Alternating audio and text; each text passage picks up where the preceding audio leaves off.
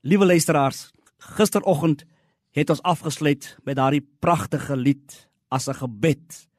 U goedheid Heer kan ons nie pyl nie. Wie word daardeur nie diep getref? Aan U alleen ons dank en ere. Dit sal ons lus en lied hier bly. U sal ons nooit vergeet nie, Here. U wil ons in die waarheid lei. En ons tema vanoggend is uit Habakuk 2 Egte geloof laat ons lewe. Egte geloof kan wonders laat gebeur en kan berge versit, maar as wonders nie gebeur en berge nie versit word nie, beteken nie dat daar geen geloof is nie. Die geloof van Habakuk 2 en waarvan hy praat is wel in die sin wat Hebreërs 11 dit bedoel om die onsigbare te sien te vertrou op dit wat ons hoop.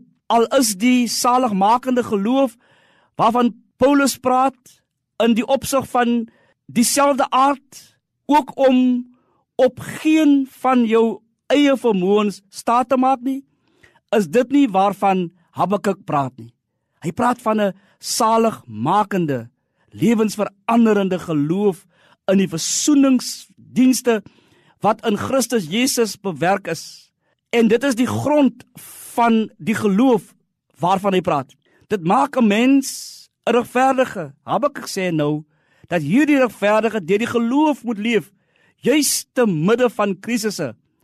Hy praat van hulle vir wie Jesus ook aanspreek as die armes, die wat weet hoe afhanklik hulle van God is. Die goeie nuus en groot troos wat gebring is deur God in Christus Jesus is dat hy vir ons omgee, vir ons sorg, vir ons lief is. Almal wat Christus Jesus as herder ken, getroos kan seker weet hy gee om vir ons. Hy sê lewe afgelê vir ons. Daarvoor het hy sê sê alles vir ons gegee. Habakuk sê net hy kan ons dra in donker oomblikke. Net hy kan my krag gee om bo swaarke uit te styg. Met God langs my staar ek my nie langer blind teen die steiltes nie.